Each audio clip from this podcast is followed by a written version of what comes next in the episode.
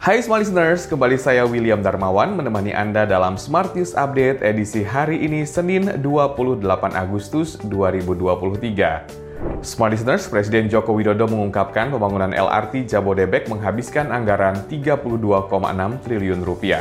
Adapun anggaran tersebut digunakan untuk membangun seluruh fasilitas termasuk jalur sepanjang 41,2 km.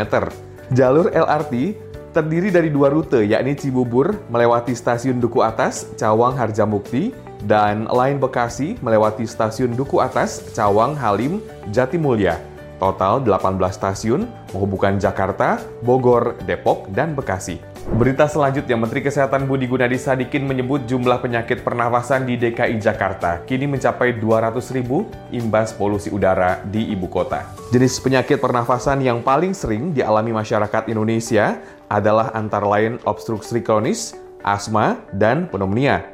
Budi mengatakan total klaim BPJS dari lima jenis penyakit pernafasan sudah mencapai 10 triliun rupiah Jumlah tersebut diperkirakan meningkat seiring dengan naiknya kasus penyakit pernapasan. Berita terakhir, Pusat Pelaporan dan Analisis Transaksi Keuangan mencatat banyak warga Indonesia berpenghasilan di bawah Rp100.000 per hari bermain judi online. Kepala Biro Humas PPATK Nasir Kongah tak menampik jika permintaan judi online di masyarakat terbilang besar.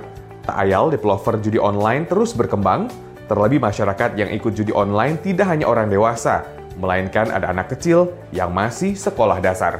Sekian Smart News Update hari ini, saya William Darmawan mengucapkan terima kasih, sampai jumpa.